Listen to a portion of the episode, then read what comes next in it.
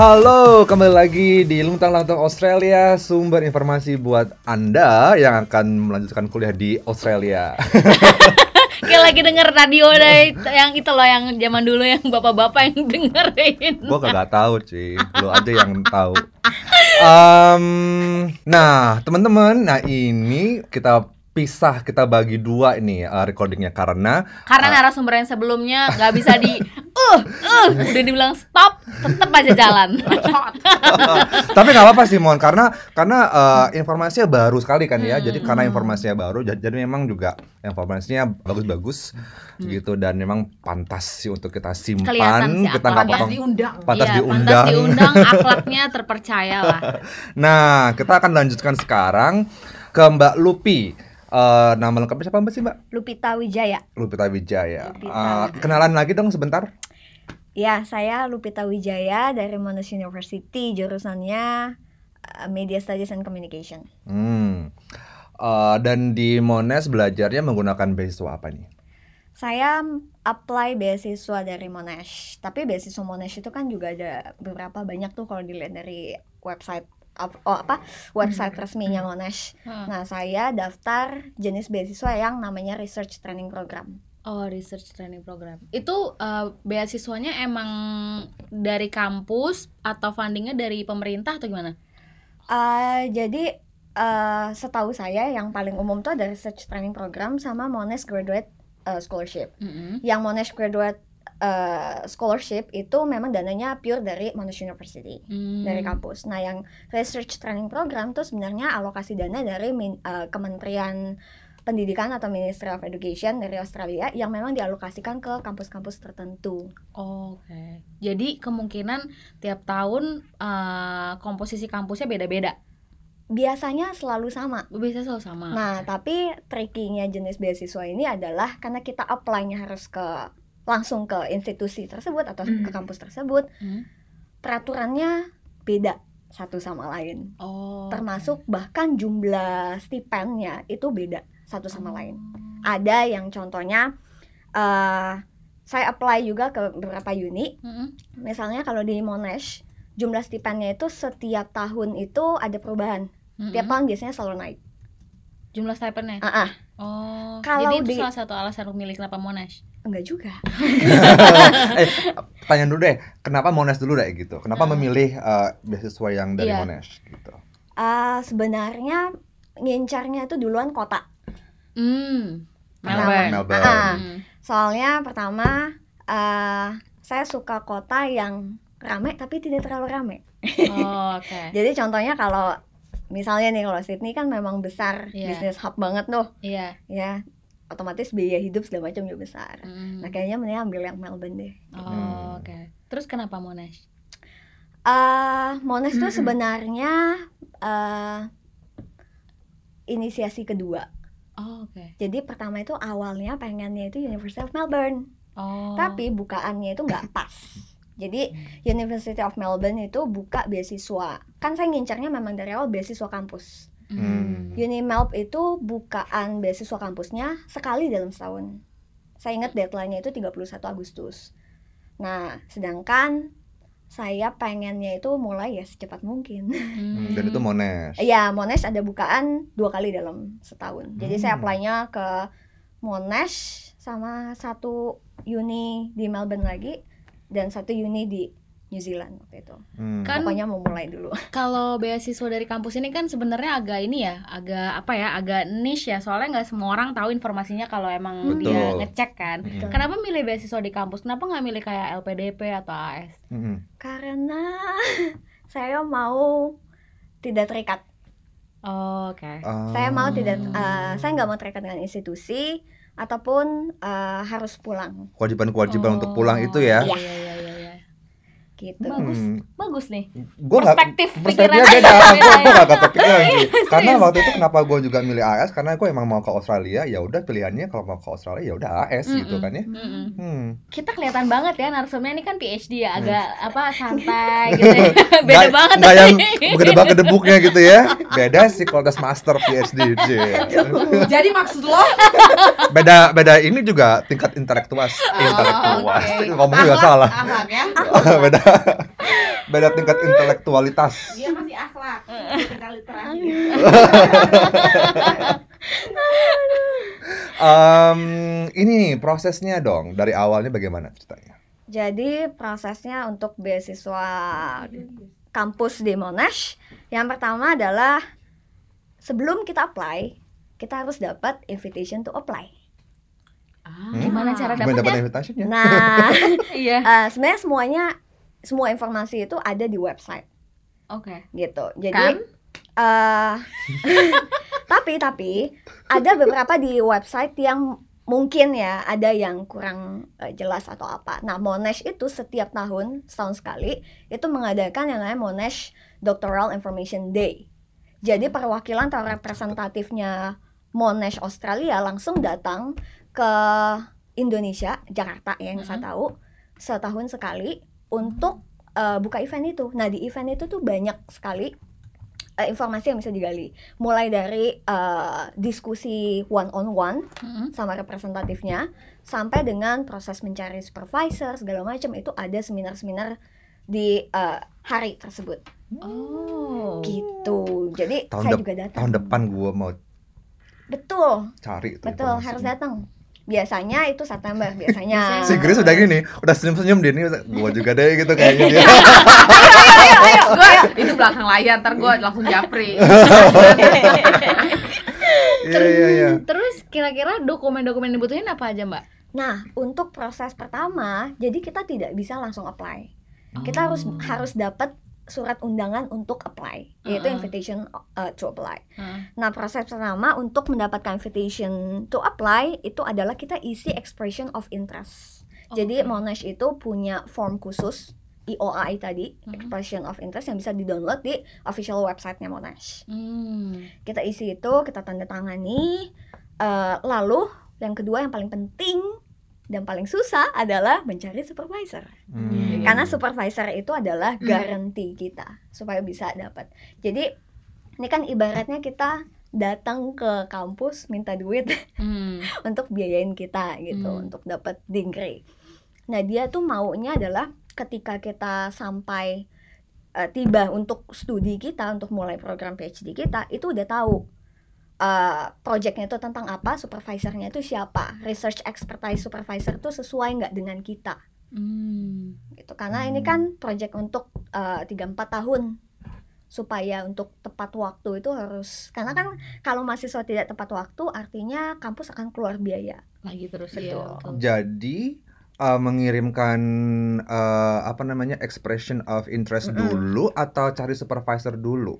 kalau saran saya adalah supervisor supervisor tuh prosesnya lama kalau saya Hmm. sendiri waktu itu prosesnya bisa sampai tiga bulan Hmm. untuk supervisor sendiri yang pertama untuk bisa buat supervisor tersebut itu bilang oke saya bersedia untuk uh, mensuper uh, mem- Mensupervisi. supervise ya project Anda Mhm. selama Anda menjalankan PhD di sini itu panjang prosesnya. Pertama kita harus menyediakan yang namanya research proposal atau proposal penelitian.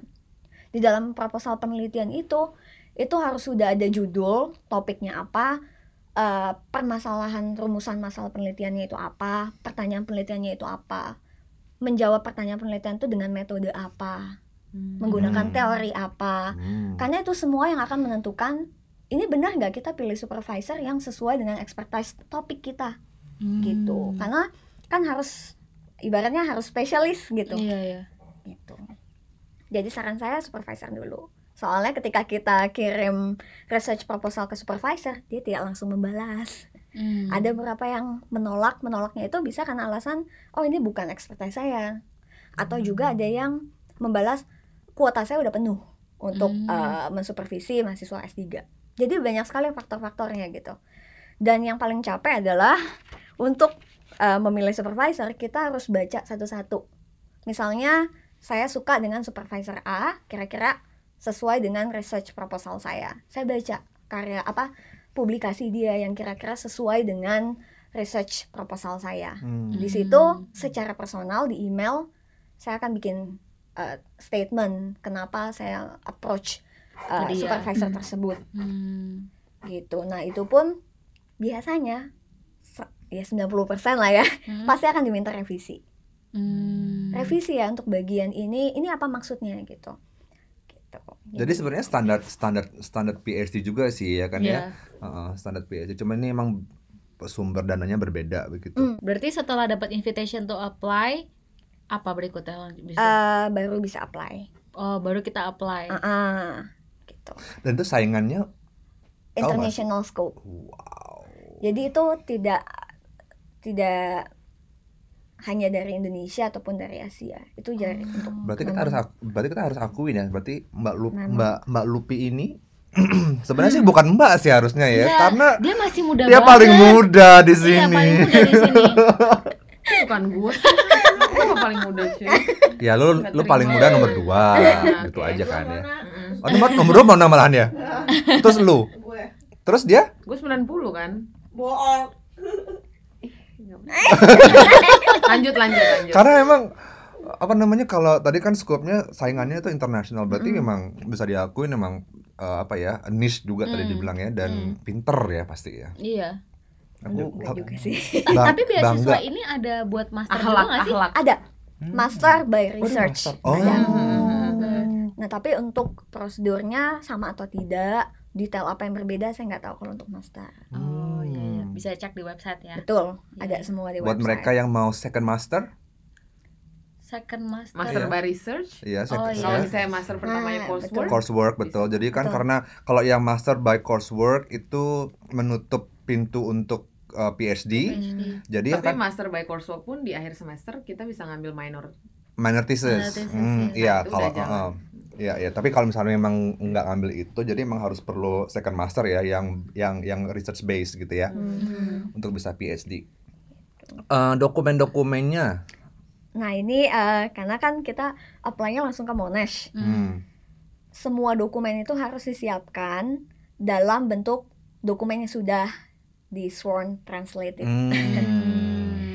gitu jadi eh, dokumen-dokumen seperti akte kelahiran Hmm. itu eh, paspor atau Sudah bahkan eh, diterjemahkan dulu KTP ya. itu Hmm. wajib diterjemahkan dengan pena- apa penerjemah tersumpah. Hmm. Nah kalau di Aussie itu mereka nyebutnya naati Hmm. certification Oh, iya.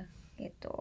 Hmm. Dan itu penerjemahnya harus yang punya naati itu di Iya. Indonesia. Oh, oke. Itu bisa, sebenarnya bisa dicek di websitenya Australia Hmm. untuk education Australia itu ada gitu. Oh, Hmm, hmm, hmm, hmm. Jadi mereka biasanya ada tanda tangan ba- tanda tangan dan cap basah. Hmm, hmm. Eh, nah, beasiswanya mengcover apa aja? Nah, eh untuk beasiswanya karena ini kampus super beda-beda. Hmm. Agak- Maksudnya beda-beda, tricky. Misalnya sama-sama jenis beasiswanya research training program. Hmm. Hmm. Tapi di Monash misalnya dengan di kampus lain itu sangat berbeda. Contohnya dari stipend aja. Hmm. Di Monash itu beasiswa saya tiap tahun itu jumlahnya berbeda. Naik setiap tahun. Oh gitu. Betul. Itu sudah termasuk eh, dia ngasih hanya em, biaya hidup atau udah termasuk biaya riset? Nah, itu beda lagi. Oh gitu. Setiap kampus benar. Jadi benar-benar harus hati-hati untuk eh, apply beasiswa jenis kampus. Hmm. Karena harus dibaca apakah dapat stipend. Kalau Hmm. dapat stipend berapa? Dan informasinya ada di website Ada semua. Termasuk eh, jumlah uangnya dapatnya berapa? Betul. Hmm. Apakah naik? Misalnya eh, boleh sebutin nama Se- ininya. Boleh, boleh. Boleh. Eh, ketika saya apply di RMIT, Hmm. Eh, jumlah stipendnya sama. Selama tiga tahun, 4 tahun itu ya stipendnya sama. Tapi kalau di Monash, eh, setiap tahun naik. Hmm. Hmm. Nah, lalu yang kedua yang mesti hati-hati Mhm. adalah beasiswa tersebut itu mengcover tuition fee juga nggak sih? Oh. Kalaupun mengcover tuition fee full nggak Hmm. atau partial? Kalaupun full, apakah beasiswa apa? Apakah asuransi kita itu Juga juga, dibayar karena Di-cover mahal juga. asuransi kan Iya. PSHC Iya, itu benar. mahal. Iya betul. Terus kalaupun di cover, apakah visa terus relocation itu juga dapat? Oh. Jadi Iya, satu persatu tuh mesti di Iya, Hmm. iya. Kita undang dulu nih, balik lagi yang tadi akhlaknya bagus nih. Kalau Mbak dulu, Mbak, Mbak akhlak. Mbak akhlak. kalau Grace Kalau gimana Grace? dipanggil mbak nggak mau jawab ah. Eh, Oh ya, apa panggil nyai? Adik. Nyai. Adik lah, adik kan Adik, biar bunda. adik. Adik Grace gimana kemarin cover beasiswanya em, apa aja sih yang di cover dari PDP? Eh, kayak yang gue udah bilang tadi yang eh, kalau kita udah jadi awardee dari visa semua udah di cover kan asuransi semuanya. Cuman memang visa sistemnya reimburse. Nah cuman kita itu istilahnya kayak sebelum kita berangkat kita tuh dapat settlement settlement allowance Hmm. jadi ada yang namanya SA itu settlement allowance Berapaan cuy? Berapaan cuy? itu kita dapatnya empat ribu Uh. untuk settlement allowance itu Hmm. Cuman kita bisa minta kalau kita masih di Indonesia. Jadi sebenarnya ini membantu banget settlement allowance ini untuk kayak kita mempersiapkan apa-apa gitu kan. Jadi dari awal pas kita masih di Indo sebelum kita berangkat, kita bisa minta 50%-nya. Jadi nanti Hmm. 50%-nya once kita udah sampai di sini. Oh, jadi lu bisa minta kayak gue minta 30% aja gitu, bisa. Enggak 50% memang Oh, 50%. memang udah gitu Hmm. proseduralnya. Jadi kayak misalnya pas sebelum kita berangkat eh, ah gue butuh uang nih gitu kan. Nah, tapi bisa juga kita minta 100% once kita udah di sini. Ah. Jadi kalau misalnya lu kebanyakan duit atau gimana, kalau gue sih gue minta cuy. 100% Ah, mintanya. 50 Oh, lu lah juga. dikasih kan dari sana. Jadi kayak gue harus minta itu buat misalnya mempersiapkan kayak oh gue butuh laptop nih yang bagus karena ini kan takut kalau laptop ngehang atau gimana Hmm, kayak gue mau enggak, itu alasan laptop. aja Iya. lah. atau misalnya oh gue butuh bayar rumah di awal nih kan Ah. kalau gue datang gue butuh dolar dan gue Hmm. tapi ketika kita minta settlement allowance itu di Indonesia karena kita masih di Indonesia jadi dikasihnya rupiah. Oh. ke rekening bank kita karena kita diminta untuk uh, buka eh, kita uh, LPDP tuh kerjasama sama BNI Syariah sama BRI Oh, jadi gitu. kita di Indonesia tuh pakainya dua bank itu. Terserah Hmm. kamu mau aktifkan yang mana jadi LPDP ngirimnya ke situ bukan ke rekening pribadi. Hmm. gitu. Itu settlement settlement di awal 4000 nah eh, jadi 2000 kita dapat di Indonesia 2000 kita dapat di sini pas datang nah itu cuman perlu kita udah datang sini persyaratan apa sih oh kita cuman perlu em, foto apa bukti penerbangan kita udah sampai kan Hmm. Eh, sama bukti laporkan JRI Hmm. sa- udah itu aja dapat lagi nih settlement allowance kedua tapi Oh. per bulannya itu eh, sekarang kita sistemnya udah otomasi dan per bulannya untuk Melbourne karena Australia beda-beda beda-beda Oh, setahu beda beda state, beda harga gitu. Iya beda harga. Jadi misalnya Melbourne, Sydney, Canberra tuh sama. Kita per bulannya 2000. Eh tapi kalau misalnya apa Queensland setahu Brisbane gitu setahu gue 1850 apa 1800 jadi Hmm. beda-beda ini tergantung mungkin itu sudah sesuai dengan mereka waktu datang ke sini ngecek gitu oh biaya hidup di Melbourne Ah, cukupnya disesuai- disesuaikan disesuaiin dengan ya. iya Hmm. karena kalau misalnya bayar angkot pun lebih mahalan Melbourne dan Sydney Iya. dibandingkan Brisbane kan Ah, Jadi- bentar. Mhm. Bukan angkot public public transport. jiwa Jiwa, jiwa, jiwa Metro Mini guys iya kan akhlak Tuhan janganlah public transport angkot oke eh Mbak kalau Mbak Lupi Iya. eh, boleh disebutin nggak sih? ya? Oh dapat uangnya berapa? Ah, kalau untuk Monash Research Training Program Scholarship untuk tahun depan 29.000 ribu Setahun. Iya. kali langsung Oh. Jadi kalau mau Bagi bagi 12 cuy. Cepet cepet cepet. mau jujur-jujuran nih, kalau saya nerima dari kampus lain itu sebenarnya lebih tinggi.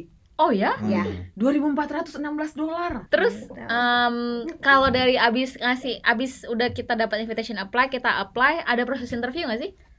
Tidak ada sama sekali nggak ada proses interview. Jadi Oh, kalau yang- tidak lolos ya tidak lolos. Tidak lolos dan tidak lolos itu ditentukan dari administrasi tadi dan juga dapat eh, Supervisor. supervisor. Ya. Ah. Jadi oh kalau supervisornya sudah bilang oke saya mau dia Hmm. masuk dapat gitu ya. Baru dapat invitation to apply. Oh baru dapat Iya. invitation to apply Iya. only. Oh. Ketika apply itu ada em, ini nggak masukin esai pasti ada lah ya. Esai kayak Riset rencana proposal studi. lagi. Nggak ada. Oh nggak ada. Nggak ada. Oh ya? sama sekali nggak ada. Jadi semua itu bergantung pada research proposal. Jadi ibarat kita yang di tuh awal itu ya ah, ah, Oh. mau cari uh, funding buat orang yang akan biayain bisnis kita nih. Iya, betul betul betul. Cuman kita nggak dikasih kesempatan untuk bicara aja, enggak uh-uh. paper semua ya. lebih ke arah research sih Mm-mm. Jadi waktu itu research experience, research publication, research award, research prize, research Hmm. grant. Hmm. Terus kan kalau misalkan di kalau misalkan di AS atau di nggak Hmm. tahu deh kalau di LPDP ada nggak ya kayak ada priority development gitu. Jadi Oh, eh, iya, iya, iya, topiknya ada harus A B C D E Ah, gitu. mm. Kalau di beasiswa kampus ada itu nggak sih? Gak ada sih, Nggak ada. nggak ya? ada.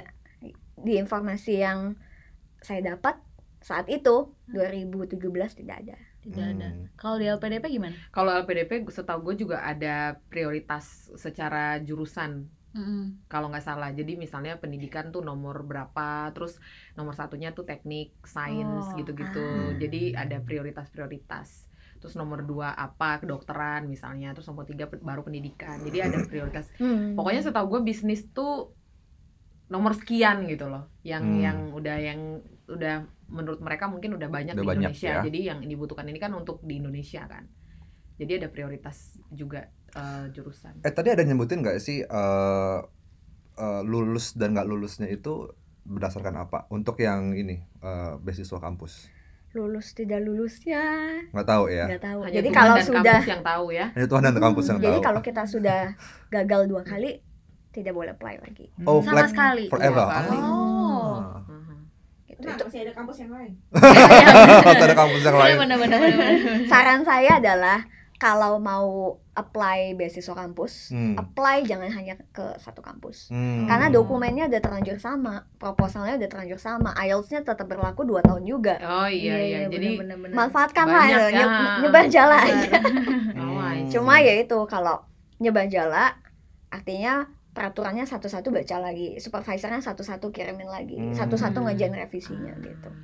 proses eh, kayak dari awal kita nyiapin eh, oh sorry dari awal kita nunggu invitation to apply sampai akhirnya kita dapet tuh lama gak sih Eh, lumayan sih. lumayan Jadi eh, ketika kita submit EOI Hah? untuk nunggu invitation of apply itu saja perlu 4 sampai 5 minggu oh gitu. Jadi setelah dapat invitation to apply kita baru bisa apply. Nah, itu kurang lebih eh, sebulan setengah lah.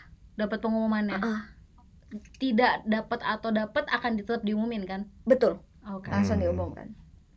gue boleh nanya nggak? boleh Nah eh, jadi misalnya gini. gue berharap tadi- pertanyaannya ada akhlaknya Enggak, kalau tadi tuh kan kita udah nyebarin eh, ke kampus-kampus nih, misalnya Betul. beasiswa kampus, Mm-mm. karena ya tadi eh, persyaratannya, mak- maksudnya research proposalnya sama, Hmm, IELTS-nya dan segala hmm. macam. Nah tapi kan kita nge-apply juga buat supervisors. Betul. Nah tapi kalau misalnya kita dapatnya Monash misalnya, eh, dapatlah beberapa, Ah, tapi kita memutuskan ngambil di kampus Monash. Uh-uh. Sama supervisor ini, apakah kita email lagi ke mereka bahwa Eh kok nggak jadi gue malu? nggak gitu? jadi ngambil apa gi- Hmm. gitu gimana gitu? Maksudnya ada ada perasaan Nggak enak. Akhlak iya nggak enak atau gimana Akhlak lu iya. Akhlak lu, kan? lu, akhlak lu tet- tetap tetap main di sini Tetap ya. main. iya Iya. gue gue gimana maksudnya ada sama supervisor ini apakah dari awal kita udah punya deal bahwa oh kalau misalnya gue dapet beasiswa ini apakah gue tetap bisa ngambil Iya, yang iya, lain uh. gitu loh maksud gue supervisors ini karena kita kita harus nge supervisor untuk nge beasiswa Betul. ini kan Kalau saya dari awal saya ngomong. ah bilang ngomong bahwa Gua aku daftar banyak lu gitu ya. ya. Hmm. Oh. Jadi, Saya dari awal saya ngomong berarti penting Dan- dari awal ngomong ya. Dan ketika beneran dapat, ya jadi pilihannya itu bisa di decline atau di accept. Hmm. Jadi kita bisa decline setelah kita dapat. FYI ya, Mbak Pita tuh keterima semua. iya Wow. New Zealand, RMIT, Monash. Makanya gue penasaran supervisornya nih. Makan apa sih? Iya. Takutnya nggak dapat itu. Waktu kecil makan apa sih? Saking dapat takutnya nggak dapat itu. Gue berasa kayak pengen iklan ini kurkuma plus paling suka. Kalau gue sih ingetnya ini sih eh, jamu buyung upik. Gila Ketahuan kan gua tuanya kayak Jadul apa ya? banget ya. Kelahiran tahun minumnya tolak angin 83. ya. Orang pintar minum tolak angin. Eh, promosi lagi lu. Hmm, kan itu itu ntar bakalan dipip gitu tuh bagian Tapi lu. lu jamu-jamu juga iklan. Iya kan ntar juga kan bakalan Kita potong semua Oh, ini. yes. ya, baiklah. Asuransi di cover gak sih mbak? Asuransi akhirnya pokoknya saya karena saya mahasiswa tidak punya uang. Jadi saya berusaha untuk mencari semua yang di uh, sediakan termasuk Oh, Oh oke. itu Stipend. beda-beda ya? beda jadi dalam kasus saya stipend saya itu dibiayai oleh uh, research training program scholarship gitu jadi Monash ini mendapatkan dana tersebut dari Ministry of Education-nya Australia Hmm. sisi tuition fee saya mendapatkan dari Monash namanya Monash International Tuition Scholarship Itu beda prosesnya. sama Sama. Oh, jadi ap- aplikasinya ke satu tempat Mm-mm. dapatnya dua dua sumber gitu ya. Ah, Nah itu Hmm. tergantung bisa Hmm. dapat juga bisa enggak juga. Hmm, Nah itu semua oh. tergantung pada uni karena kan fundingnya full dari uni. ketika kita ngasih expression of interest apakah kita ngasih tahu kita butuh dua itu kita butuh Betul. di cover tuition sama diminta. oh, Oh, harus disebutin juga Oh, ya. saja juga udah dibilang di situ atau eh, asuransi kesehatan gitu-gitu? Ada, seingat saya ada Hmm. dan saya minta semuanya Iya, karena asuransi Iya, kesehatan iya. mahal harganya. iya iya betul Termasuk relocation. Jadi dapat juga saya juga dapat relocation meskipun tidak sebanyak Grace tadi yang dari LPDP. Tapi Yang settlement cost beda ya. kan? settlement cost ya maksudnya Iya, ya? settlement cost. Oke. betul. hmm, menarik ya Mau nanya. nggak boleh Oh iya. Kalau kayak LPDP kan harus diwajibkan pulang ke Indonesia atau kayak Hmm. AS. Kalau dari beasiswa kampus sendiri ada nggak sih kayak kewajiban untuk Mengabdi di mengabdi Australia di misalnya. Australia atau di kampus itu gitu? Nggak ada sih, sama sekali tidak ada. Lu siapa sih? Kok tiba-tiba ngomong? Oh, saya Kenalan dulu dong. produser loh Oh, ma- maaf, Bapak produser. cabut izin kamu Itu tadi Benny. Iya. Kenalan dulu dong, Ben. Halo. Tapi namanya nggak dipip gitu ya? Iya. saya minum jamu. Oh, apa sih lu? Nggak ada, nggak ada kontrak, Nggak ada kontrak ya. nggak ada ikatan. Ada nama-nama instansi yang kita sebutin tadi pip-pip semua ya. iya Jadi jadi itu kan alasannya memang kenapa memilih beasiswa ini karena emang nggak mau terikat tadi kan Betul. udah bilang ya. Hmm. Hmm, hmm oke. Aku Menarik kayaknya ya. aku kayaknya mau untuk masa depan. Cus Asik. ya. Research pathway ya terakhir ya. Iya, Asik kayaknya banget. sih gitu. Resis ya. Hmm. Tapi berarti eh, beasiswa untuk PhD di Australia itu si research training program cuma kampusnya ada beda-beda gitu ya. Betul. Mm. Nama jenis apa? Jenis beasiswanya research training program. Eh, di biasanya hampir di semua uni Oh, Ada. oke. gitu, hampir tidak semua. Eh, apa untuk repetition aja nih, maksudnya berarti kita nge-apply ke uni, terus dia otomasi ini langsung masuk ke yang mendanai stipend, mendanai ini, memang ke uninya yang kita fokusin atau memang eh, Lupita kayak dari Monash terus ke oh yang biaya stipend gue harus nge-apply lagi atau memang fokusnya ke Monash? oh enggak, jadi semua fokusnya Monash. Ah. Kita apply ke Monash, kan beasiswa kampus. Jadi kampus yang memutuskan kita bisa dapat apa aja. Ah. fully atau partially. Bisa nggak sih ada kejadian yang misalnya kita sudah apply, kita mintanya ini ini ini, terus ternyata dapatnya cuman nggak semuanya, dapatnya partial, uh, partially gitu. Sejujurnya saya tidak tahu. Hmm. Karena Iya. Terlalu selama- berkualitas dia untuk dapat parsial kata enggak. gue sih kayak mereka gue gak mau kehilangan orang ini cuy. Mau gue genggam gue kasih semua apa mau apa lagi? Gua kasih semua kasih mau apa? Lo tau gak sih bintang tamu yang paling prospektif ini? Ya Mbak Pita dari dulu Coy, kasihan coy. terus yang telat gua Kita Bener. masih tetap butuh kamu kok. yang telat gua Yang telat elu, terus yang diwawancara duluan ya elu. Makan waktu juga, aduh. tapi em, eh, Lupita seru lah ya denger awak tadi di Iya dong. bela lah sekali-sekali pernah kita serumah dulu Eh, kan Oh iya, benar. Nyari nyari Jadi panggungnya. jadi a- ajang curhat gitu di sini. Mbak, terakhir Mbak pertanyaannya. Iya. Ka- kalau misalkan ada kayak kandidat yang dia dari Master of Coursework Terus em, Dia berharap. Enggak.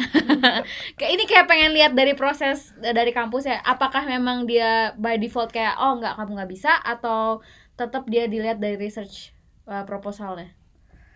Em, Pernah tahu nggak ada orang yang kayak yang gitu? saya tahu kalau research training program kan eh, titik utamanya itu di research. Hmm. Jadi yang dilihat itu sebenarnya adalah research experience. Hmm. Oh, Kita udah oke. pernah eh, pengalaman riset apa aja. Itu bisa Hmm. dilihat dari conference, konferensi akademik yang kita hadiri. Hmm. gue boleh bantu jauh gak? Boleh.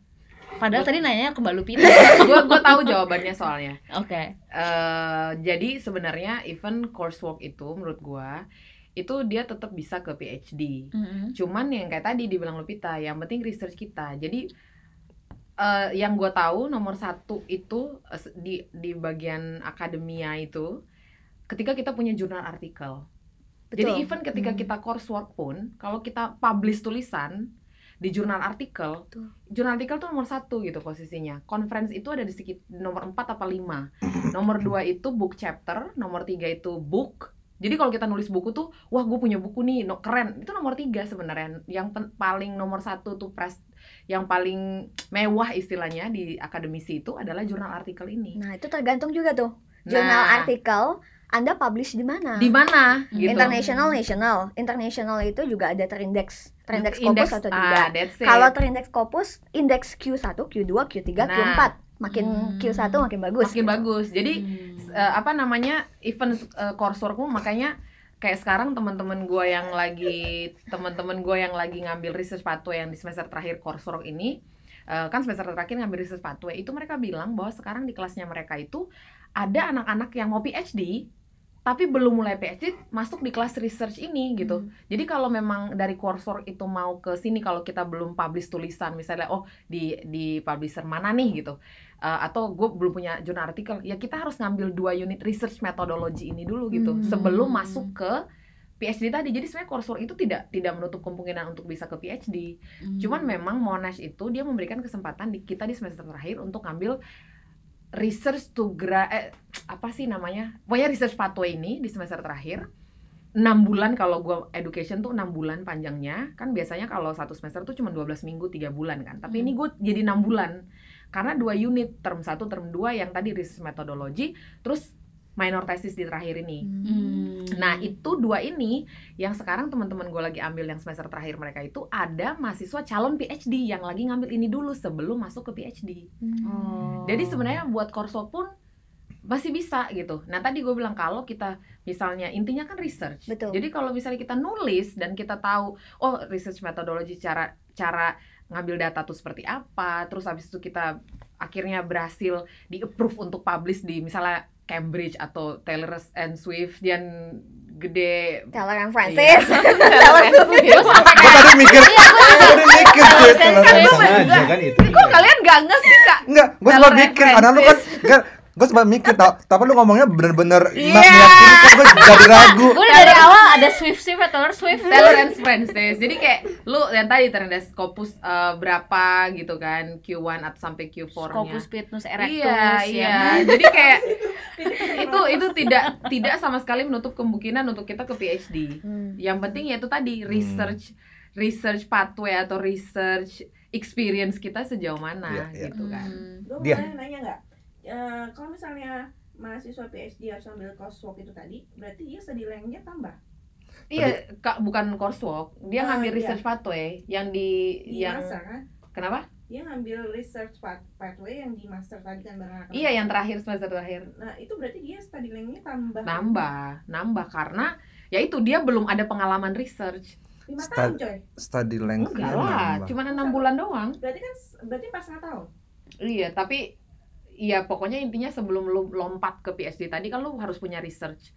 Lu harus, maksudnya kayak lu dianggap eligible. Hmm. Karena kalau udah PhD ini ya beneran nulis research gimana teori siapa yang tadi bilang Mbak Lupi yang dipakai. Tapi kalau kita nggak tahu menggunakan itu gimana ya nggak bisa ke situ kan? Boleh nanya sedikit nggak? Sedikit janji terakhir deh.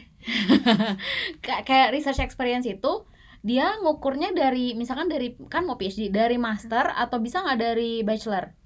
Dari semuanya. Dari semua. Semuanya. Jadi eh, untuk pengalaman riset itu contohnya adalah eh, tadi kan salah Hmm. satunya conference. Dan yang paling penting adalah keluaran riset kita itu apa? Kita Hmm. sudah pernah nulis dan dipublikasikan di mana? Itu diminta secara super detail di program research eh, research training programnya Monash. Hmm. Mulai dari publication type, jenis Hmm. publikasinya apa? Media massa, artikel ilmiah, buku atau buku chapter Hmm. gitu. Sampai dengan nama publishernya. Siapa yang publish? Hmm. Misalnya Wiley Publication. Jurnalnya apa? Karena bisa saja uh, banyak sekali jurnal dalam satu uh, publisher yang sama, Mhm. tapi rankingnya beda-beda Q1, Hmm. Q2 Hmm. gitu. Hmm.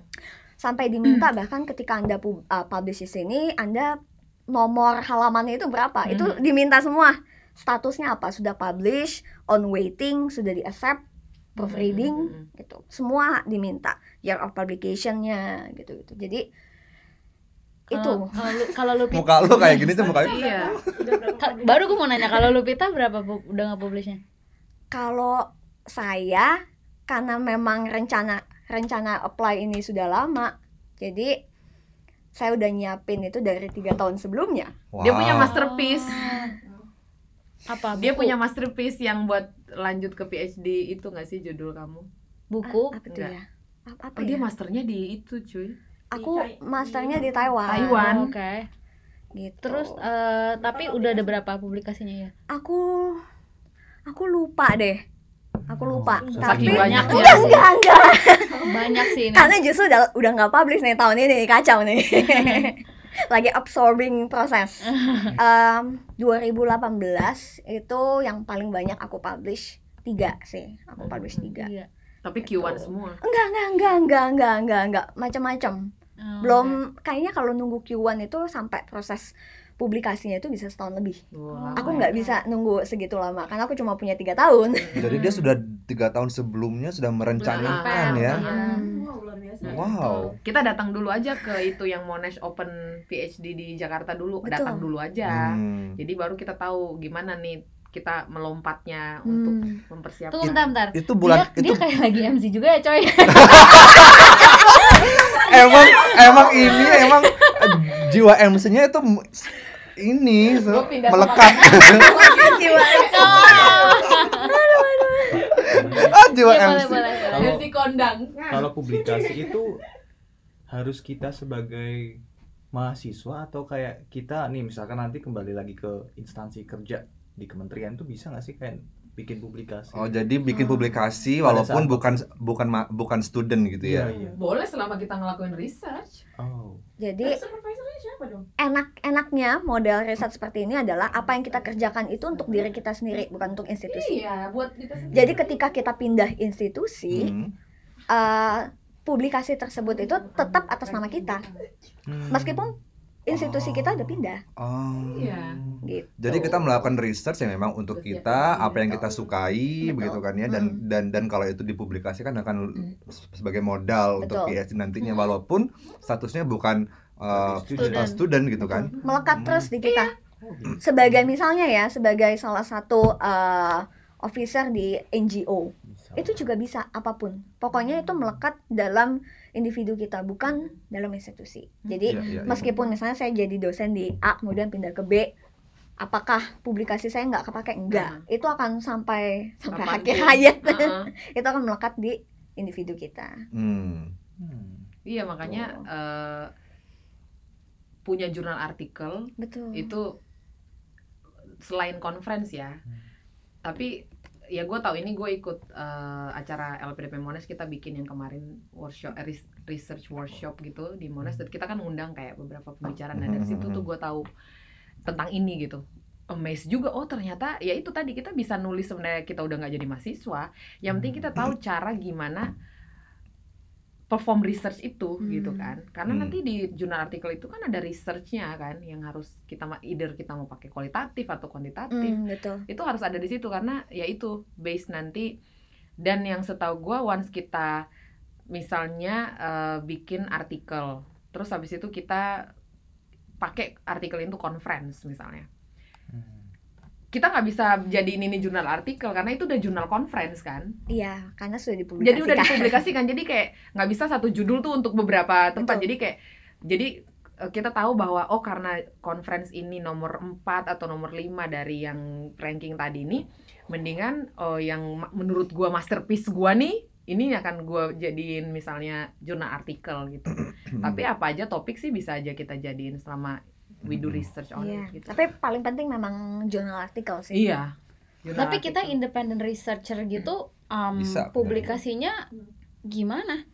Karena kan kalau misalkan kayak misalkan kayak S1 gitu di Indo, Hmm. itu kan kita nggak tahu sih kalau uh, buat skripsi Mhm. biasanya mungkin balik lagi tergantung uninya ya tapi biasanya dia akan minta tolong dong dari skripsinya itu buat dalam bentuk jurnal gitu nah Hmm. kalau itu kan kayak ada supervisi supervisornya kan karena pembimbing skripsinya ada kalau Oh kita enggak, Enggak. seharusnya enggak. secara etika akademik itu tidak boleh Iya. seperti itu. oh gitu Betul. Gitu. Oh, Jadi kalau memang mau seperti itu dari awal pembimbing tersebut harus ngomong. Jadi nggak bisa nih Mm-mm. misalnya kita bimbing 20 skripsi, kita sebagai dosen Hmm. itu ngambilin dua bukan Iya. ngambilin ya maksudnya Iya. dapat 20 betul Nggak sebagai bisa. second order no Itu enak banget. Itu itu namanya mencuri ide kita gitu iya sih? karena saya juga dulu kan sebelumnya dosen Heeh. dan Hmm. kalau memang saya tertarik dengan penelitian mahasiswa saya saya akan involve Mm-mm. Hmm. misalnya dia mengerjakan data kuantitatifnya saya mengerjakan data kualitatifnya iya tetap research collect Hmm. jadi nggak bisa yang bisa namanya gue ngumpulin Iya, orang iya. terus akhirnya jadi jurnal dia. betul Iya, iya. itu iya. itu gila. sebenarnya nggak jadi jurnal dia sih tapi jatuhnya karena dia pembimbing skripsi nama dia juga ada di jurnal itu boleh kalau Iya. sudah ada perjanjian dari awal Hmm, gitu iya. dan res- eh, dosen tersebut juga mengerjakan research involve. komponen Heeh, Hmm. nggak bisa cuman karena dia supervise doang, iya nggak sih? Nah, itu nah maksudku tadi kan itu kan uh, karena dia uh, mahasiswa S1. Kalau independent researcher gimana dong? contohnya independent research Kayak tadi yang apa? dia bilang dia lagi kerja terus dia mau publikasiin artikel. Mm-mm. Itu gimana? Em, Masih belum kebayang deh aku. Iya. Iya. kalau independent Oh, misalnya kerjanya oh, di mana nih oh, tek, Misalnya oh, tek, PNS atau NGO. technicality untuk mau untuk bisa Mau publish publikasiin, artikel iya, itu tapi maksudnya. bukan dalam background mahasiswa.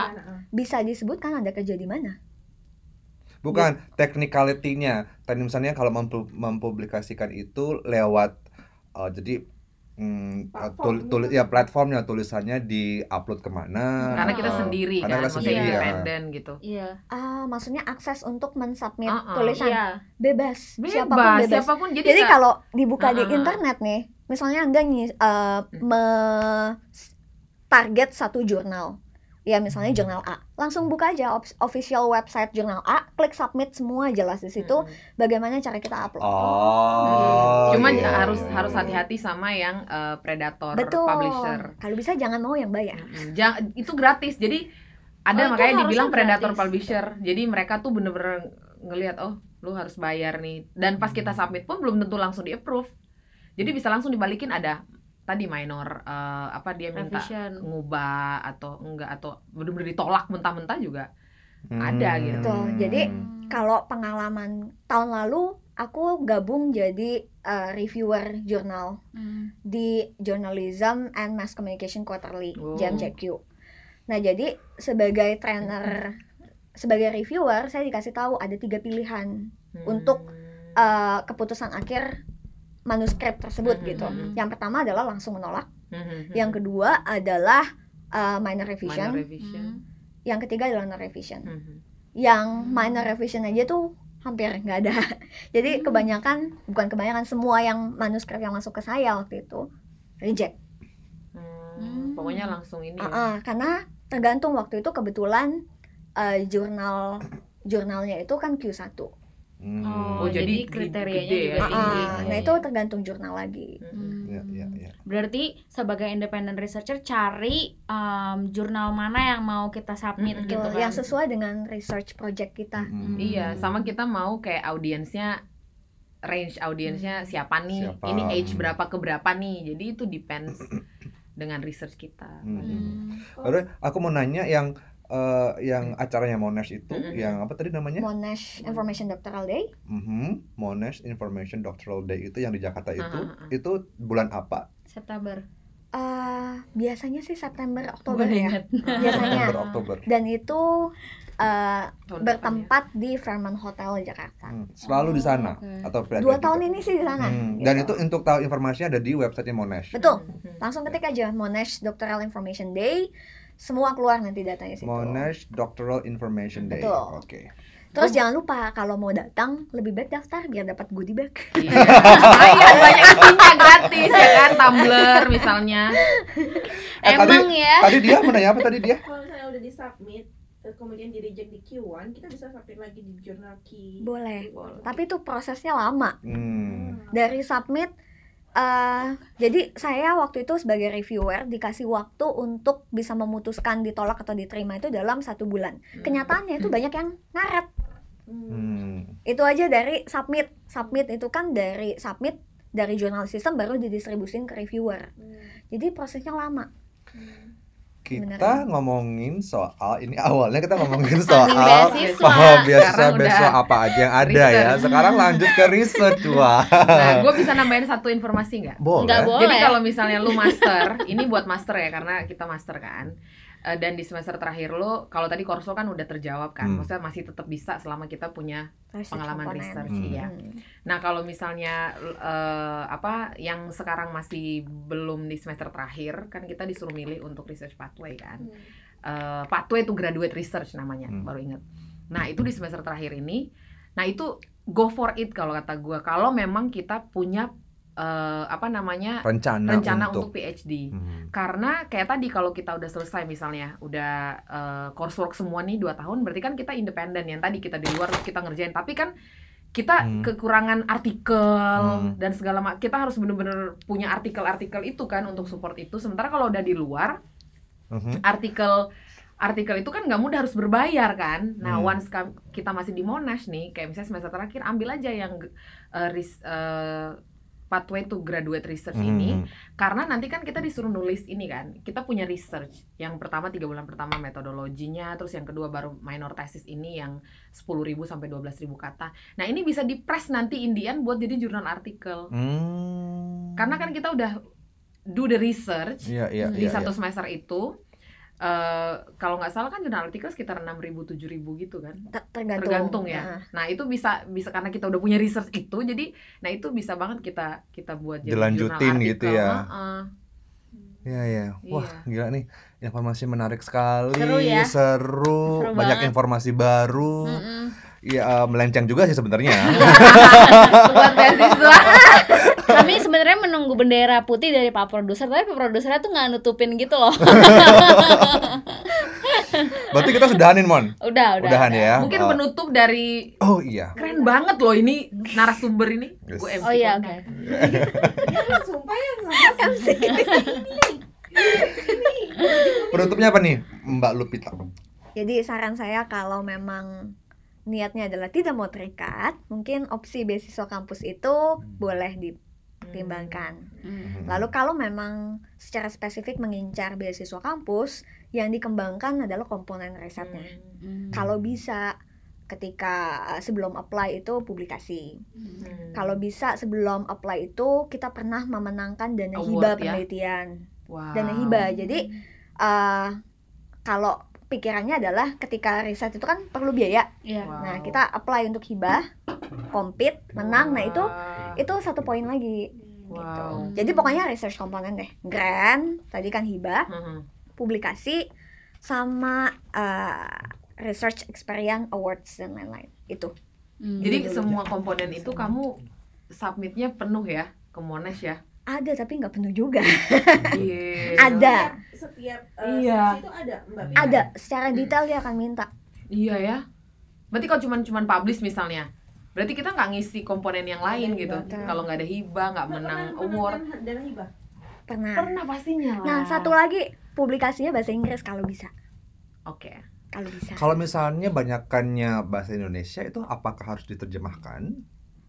Udah atau, susah sih kayaknya. Atau ya udah, udah gitu aja gitu. Pasti kan publishernya Indonesia kan. Iya sih, Mm-mm. setauku kayak gitu. Jadi itu Pokoknya udah cari kayak publisher yang Ki satu terus itu Enggak, yang penting itu dulu Bahasa? Inggris. Bahasa Inggris.